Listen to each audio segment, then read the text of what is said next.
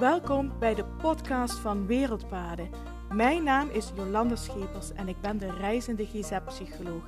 Reizen en psychologie is de ideale combinatie voor persoonlijke en spirituele groei. In mijn podcast deel ik verhalen en inzichten van over de hele wereld en uit mijn eigen ervaring om jou te inspireren om alles uit het leven te halen wat erin zit. Om samen met jou de reis naar je hart te maken en jouw meest zingevende leven te gaan leiden.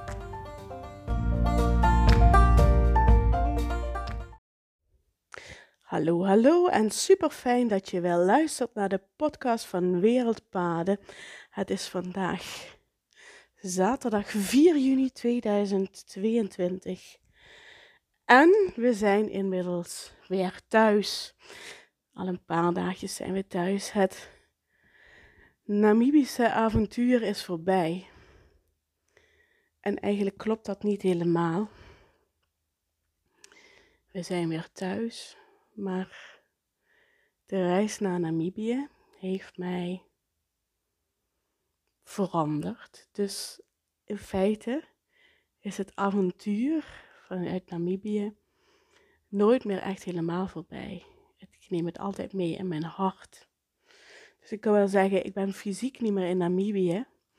Maar alles wat we in Namibië hebben meegemaakt, alle ontmoetingen, alle verhalen, alles wat we gezien en gehoord hebben, heeft ook iets met mij gedaan. Het heeft me geraakt. En uh, het heeft me ook uh, veranderd. Dus eigenlijk is het avontuur uit Namibië nooit meer echt helemaal voorbij. Want ik neem het altijd mee in mijn hart. En ik schreef op de luchthaven in Windhoek in mijn dagboek. Dit was de eerste reis dat we mensen hebben geïnterviewd en gefilmd. We hebben in voorgaande reizen hebben we heel veel met mensen gepraat, en, eh, maar we hebben ze nooit geïnterviewd. We hebben ze ook nooit um, de, het interview gefilmd. En het was net alsof er een diepere laag, een diepere dimensie aan het reizen is gekomen. Want je begint natuurlijk niet meteen als je ergens komt met een interview. Je begint eerst met het gesprek aan te gaan, verbinding te maken, contact maken, praten over het leven. Hoe ziet jouw leven eruit? Wat doe je? Wat? En, en pas als die verbinding er is, dan vroegen we of we een interview mochten doen. Hè? Maar ook met de reden, het er dan ook uit. Hè? We verzamelen verhalen over zingeving, om, omdat het belangrijk is om alle verhalen te horen, omdat we zoveel van elkaar kunnen leren. En ook om in ons land weer te delen, om mensen te inspireren, mensen bewust te maken, mensen te laten nadenken over het leven en over zingeving van hun eigen leven. En eigenlijk zei iedereen volmondig ja dat het oké was om te interviewen. En de gesprekken die we hebben gevoerd en de interviews die we hebben afgenomen en daar ook in die interviews diepgaande vragen gesteld. Zo van, wat maakt jou gelukkig? Wat is het belangrijkste in je leven? Wat denk jij dat het doel van het leven is? Wat is de meaning of life? Heb je het idee dat er een dieper liggend doel is of niet? En maakte ook dat deze vragen ook weer terugkwamen naar ons. Zo van, ja, maar hoe zie jij dat dan? En dat maakte dat het... Um, dat we ook een hele diepe verbinding met elkaar gingen voelen. Hoe anders we dan ook zijn. Als ik bijvoorbeeld terugkijk aan de bosjesmannen en aan de Himba, hun levensstijl, hun manier van leven is in niks, maar dan ook echt in niks met onze levensstijl te vergelijken. En toch eh, vonden we verbinding met elkaar en vonden we overeenkomsten, overeenkomsten in hè, wat we, uh, waar we naar op zoek zijn. Naar gelukkig zijn, naar uh, verbinding, naar verbinding met elkaar, verbinding met de natuur. Hè, dit zijn allemaal antwoorden die we de afgelopen maand gekregen hebben van mensen. En ja, ik, ik, ik, ik denk dat je als reiziger ontzettend kunt reizen als toeschouwer. Um, ja, natuurlijk heel veel verschillende lagen van reizen.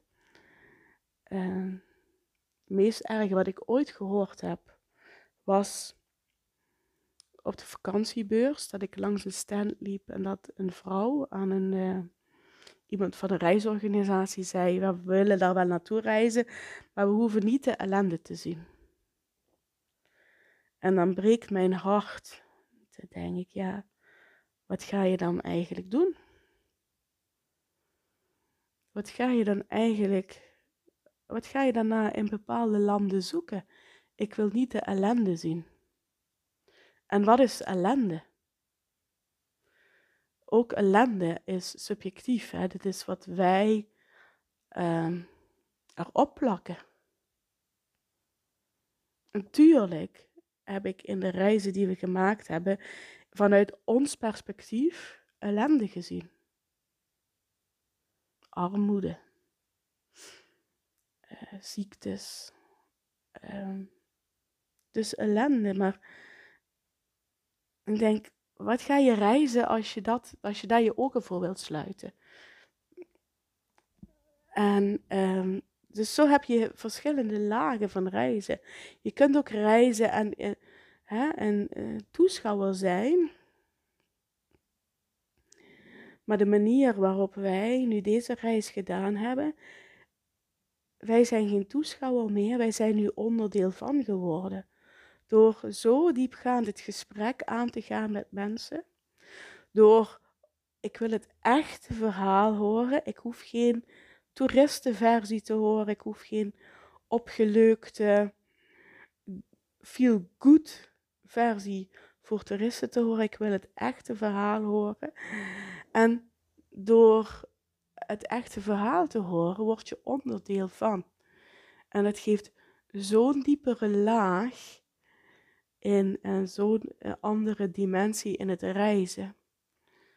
Het is ook heel heftig, want ik realiseer me nu achteraf nog meer dan dat ik me dat misschien heb gerealiseerd voordat we naar Namibië gingen vertrekken. Door zo het gesprek aan te gaan met mensen, zo de verbinding te zoeken met mensen, heeft als gevolg dat ik nooit meer mijn ogen kan sluiten voor wat er gaande is in de wereld.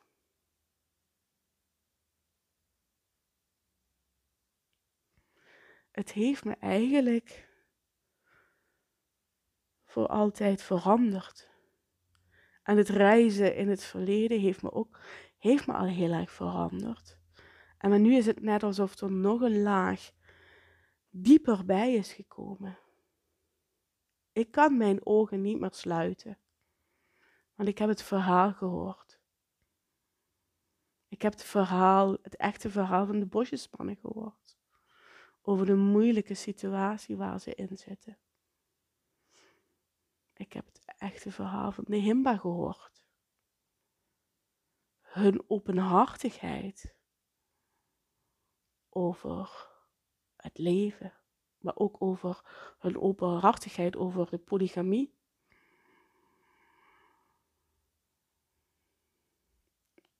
Ik heb het echte verhaal van Joe gehoord over de situaties van de olifanten, schrijnende situaties van het wild, de olifanten, de neushoorns, de corruptie, de, de, uh, eigenlijk waar deze prachtige dieren aan blootgesteld worden. Het is loslopend wild waarop geschoten kan worden als er maar genoeg geld betaald wordt. Ik kan daar nooit meer mijn ogen voor sluiten.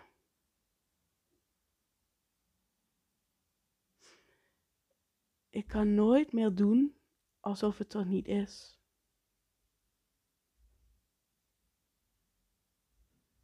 Soms maakt onwetendheid ook, ja, moet ik dat zeggen, is misschien een raar woord, onwetendheid gelukkig, want je weet niet beter. ik denk, oh ja, al die, al die bosjesmannen in Afrika, die leven daar gelukkig, die uh, jagen over de vlaktes heen. Happy de peppy, niks is minder waar. Onwetendheid over, oh ja, die, die natuur, die wordt door iedereen beschermd. We hebben het Wereld Natuurfonds, we hebben goede doelen, die zetten zich volledig in voor de natuur. Al die regeringen van die Afrikaanse landen zetten zich in voor de natuur. Onwetendheid maakt daarin, ja, ook zorgeloos, laat ik het, ik het niet gelukkig noemen, maar zorgeloos. Oh, hè? het is ook een stukje misschien naïviteit. Maar je kunt het mensen niet kwalijk nemen, want als je hier leeft, hoe moet je dan weten wat het echte verhaal van de bosjesmannen is?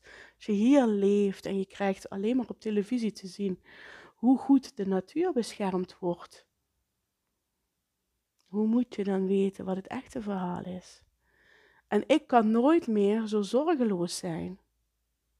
Want ik heb nu het echte verhaal gehoord. En dat heeft me voor altijd veranderd. En ik realiseer me nu, uh, dit is wat ik wil, dit is mijn missie, om overal op de wereld verhalen te gaan verzamelen. Maar ik realiseer me ook wat dat voor mij betekent, emotioneel gezien. Want alle verhalen die ik verzamel, ik kan dan nooit meer mijn ogen sluiten. Want ik ken het echte verhaal.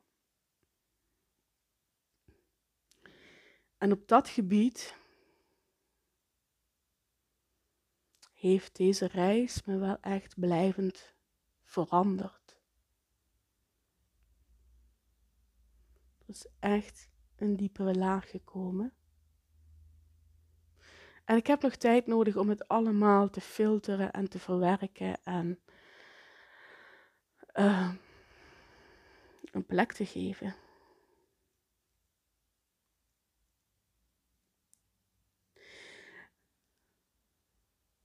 Als, maar het voelde ook een beetje zo, weet je, ik ben nou weer thuis.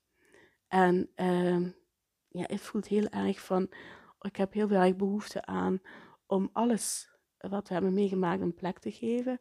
Maar ik merk ook weer dat ik hier alweer op de trein uh, zit. Gisteren heb ik een to-do-lijst gemaakt, wat ik nog de komende tijd allemaal heb te doen.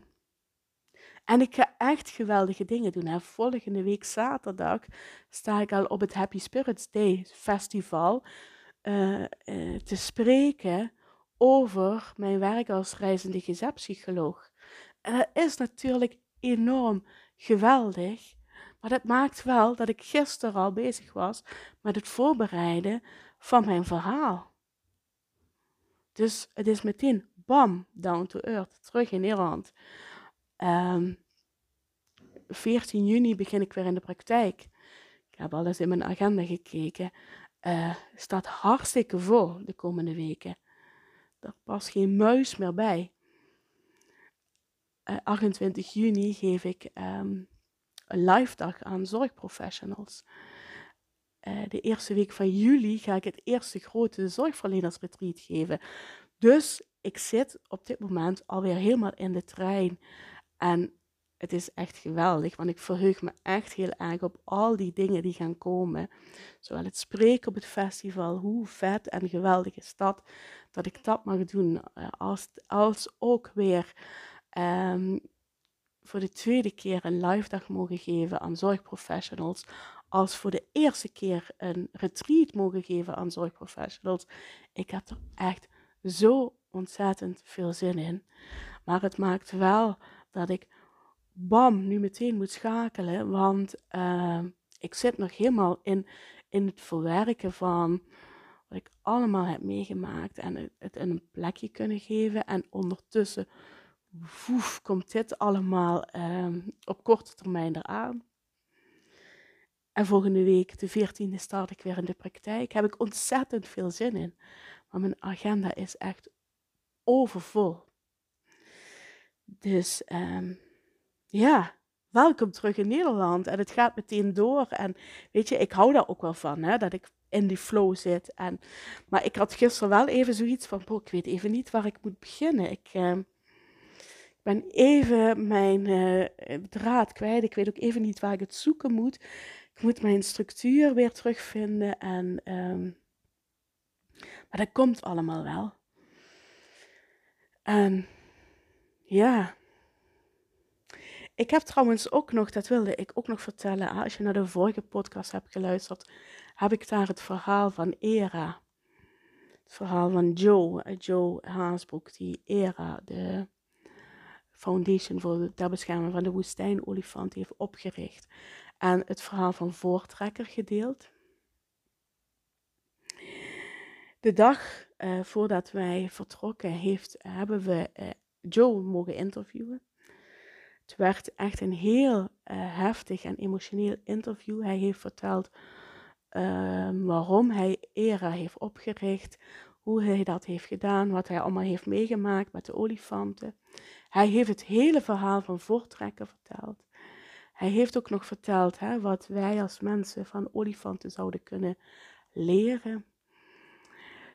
Um, als ik dan terugkijk, hè, het hele verhaal van Voortrekker. Ik heb het verhaal van Voortrekker ook verteld. Het klopt niet helemaal zoals ik het in de podcast heb verteld. Eh, zoals Joe het daarna vertelt. Dus luister alsjeblieft uiteindelijk naar het, naar het verhaal van Joe. Want hij kan natuurlijk veel beter het verhaal van Voortrekker vertellen dan dat ik dat kan vertellen. In grote lijnen klopt het verhaal van Voortrekker wel.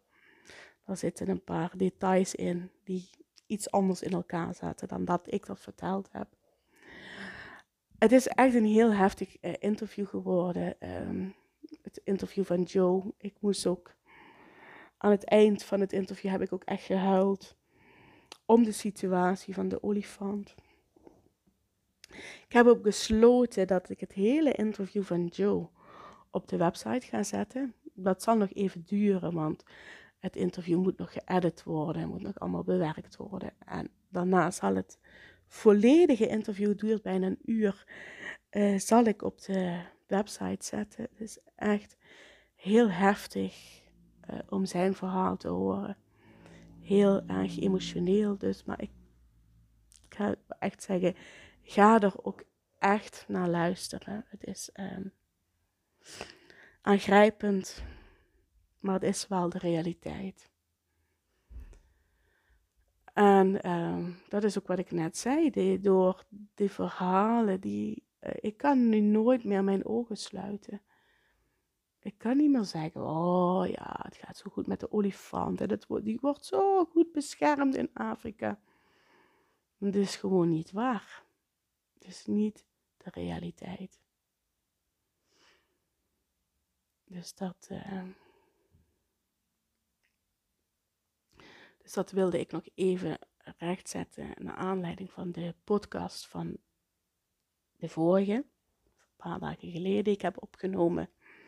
Dus ga het interview van Joe beluisteren zodra het op de website komt. Geef ons even de tijd om alles te bewerken, te editen. Dat wordt echt een hele klus voor Olaf, die dit overigens nog nooit gedaan heeft. Ik heb zo enorm veel respect voor Olaf, want ik bedenk me dan dat ik wil gaan filmen, interviews wil afnemen, dat die gefilmd moeten worden. Um, Olaf heeft heel veel reizen gefotografeerd. Kan ook echt super mooie foto's maken. Zul je hem zelf nooit horen zeggen. Maar dat kan hij echt. Maar dit was helemaal nieuw voor hem. En we hebben uh, Vier weken voor de vertrek hebben we, onze, hebben we twee camera's gekocht. Die zijn meegegaan. Olaf heeft zich als een gek verdiept in hoe de camera's werken, hoe hij ze moet bedienen, hoe hij uh, special effects kan krijgen.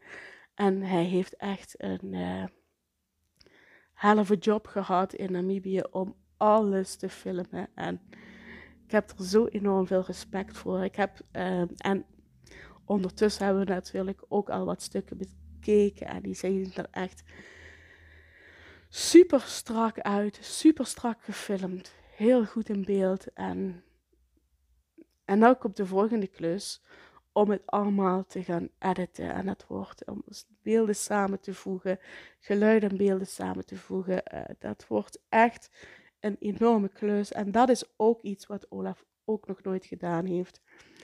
Hij kent wel uh, fotobewerkprogramma's uiteraard. Hij heeft altijd gefotografeerd, maar hij uh, heeft nog nooit uh, video's geëdit. Dus het is echt een enorme klus. En ik heb enorm veel respect voor hem dat hij dit allemaal geregeld en gedaan heeft. Want, goed, ik heb ook wel een beetje gefilmd, maar eigenlijk heeft Olaf dit allemaal geregeld en gedaan. En ik zei ook tegen hem tijdens de reis, hè, ik zeg, ik bedenk altijd gekke ideeën en jij moet ze uitvoeren. En uh, dat is echt heel knap hoe hij dat geregeld heeft en hoe goed hij dit ook weer gedaan heeft. Het is een heftige klus voor hem geweest en er komt nog een heftige klus voor hem aan om dit allemaal te gaan bewerken. Dus het zal even duren voordat de interview van Joe online gaat komen. Maar goed, dat gaat er aankomen. En uh, ja. En nu zijn we dan weer. Weer terug in Nederland. Vind ik ook altijd een beetje gek idee dat we weer uh, in Nederland zijn. Moet ik ook altijd weer even aan wennen. Zo vind, vind ook altijd, ja, je stapt in het vliegtuig en pat, boem, je bent weer terug in Nederland. En alsof mijn geest daar, daar nog even van, oh, um, wacht even, um, waar ben ik nu? We zaten gisteren, zijn we in Heerlen bij de Griek geweest. En de serveerster vroeg op een gegeven moment, smaakt het allemaal? En ik, ik dacht echt zo, oh, die praat Nederlands. En toen, oh ja, tuurlijk praat ze Nederlands, want we zijn in Nederland, weet je. af en toe heb ik nog even van die momenten dat ik nog ergens met mijn geest tussen Namibië en Nederland in aan het zweven ben. Denk, oh ja, we zijn weer thuis. En ook het idee hè, dat we s'nachts in je eigen bed ook um, dat ik dan ook wel aan het dromen ben dat ik in Afrika ben. En dat is heel gek. Maar goed, um, vroeger, vroeger kon ik echt als ik terugkwam, in shock zijn en heimwee hebben naar het land ehm, waar we dan uh, teruggekomen zijn, kon ik on ontzettende, oh was ik maar nog daar, was ik maar nog daar. Dat is minder geworden. Ik heb heel erg geleerd om in het moment te leven en in het hier en nu te leven. En ja, en het hier en nu is nu de realiteit dat we weer teruggevlogen zijn naar Nederland en dat we weer terug thuis zijn. En ik moet je ook eerlijk zeggen, ik waardeer het ook altijd weer enorm dat we weer eh, thuis zijn. Toen we thuis aankwamen, hebben we dezelfde dag nog onze kleine Sammy, ons kleine konijntje, opgehaald. Want die heb ik ontzettend gemist. Het is echt, misschien denk je nou, nou Jolanda, maar echt, als we op reis zijn, dan mis ik onze kleine Tutty altijd enorm. En was wel heel grappig. Sammy uh, was voor het eerst naar een konijnenhotel gegaan, waar heel veel konijnen zitten. En we kregen al in Namibië een berichtje dat Sammy um, mocht loslopen. Zij was het enige konijn wat eigenlijk door, door de ruimte mocht loslopen. Alle konijnen zitten in een kooi, behalve onze kleine queen. Die had het weer voor elkaar gekregen dat ze niet in een kooi hoefde. En ze liep dus gewoon los. ze had een kussentje waar ze de hele dag op lag te slapen. En ehm, ze kreeg ook van iedereen aandacht. Ze werden door iedereen geknuffeld en geaaid. Daar moet ik dan altijd wel lachen dat ik denk, je krijgt het ook alweer altijd voor elkaar. Hè? Onze kleine oma van bijna tien jaar, die dan weer... Ehm, die dan weer als enige geregeld krijgt dat ze niet in een kooi hoeft te zitten kleine tuttebel. Ze zijn dan ook meteen gaan ophalen. En ze is weer thuis en ze ligt weer heel lekker op de bank. Hebben we alweer heel veel geknuffeld en Sammy heeft ons alweer honderdduizend kusjes gegeven. Sammy is altijd heel lief. En uh, dus dat is ook wel, heel erg leuk om thuis te zijn. En fijn om thuis te zijn. En uh, ja, dus dat, uh, dus dat wilde ik vandaag in de podcast delen. Vanaf, vanaf uh, dinsdag, dinsdag zal ik weer een nieuwe podcast gaan maken. Um, zullen er ook weer andere thema's komen dan alleen de reis van uh, Namibië. Dit was een hele reeks om onze reis te volgen. Uh, we zijn weer thuis en ja goed, er zullen weer andere thema's komen. Maar goed, Namibië zal in de podcast uh, ook nog wel regelmatig voorbij komen. Ja, het is zaterdag, dus ik zou zeggen, ga lekker genieten van het Pinksterweekend hebben allemaal lekker lang weekend. Dus geniet er lekker van. Ik hoop dat het mooi weer blijft en dat het droog blijft. De voorspellingen zijn een beetje. Het hangt er een beetje aan. Het kan vriezen, het kan dooien. Maar volgens mij melden ze nog wat regen. Maar in elk geval ga er lekker van genieten. En uh, ik spreek je dinsdag weer tijdens de podcast. En voor nu, dankjewel voor het luisteren. Mocht je vragen of opmerkingen hebben naar aanleiding van deze podcast, of me willen laten weten wat je van de podcast vindt, laat het me weten. Stuur me een berichtje via Instagram, Facebook of LinkedIn, of een mailtje naar info.wereldpaden.nl. En eh, vanaf nu heb ik weer goede wifi, een goede internetverbinding, want we zijn gewoon weer thuis. Dus ik zal jouw berichtje ook meteen zien. En uh, ja, dank je wel voor het luisteren en ik spreek je dinsdag weer. Groetjes, doei doei.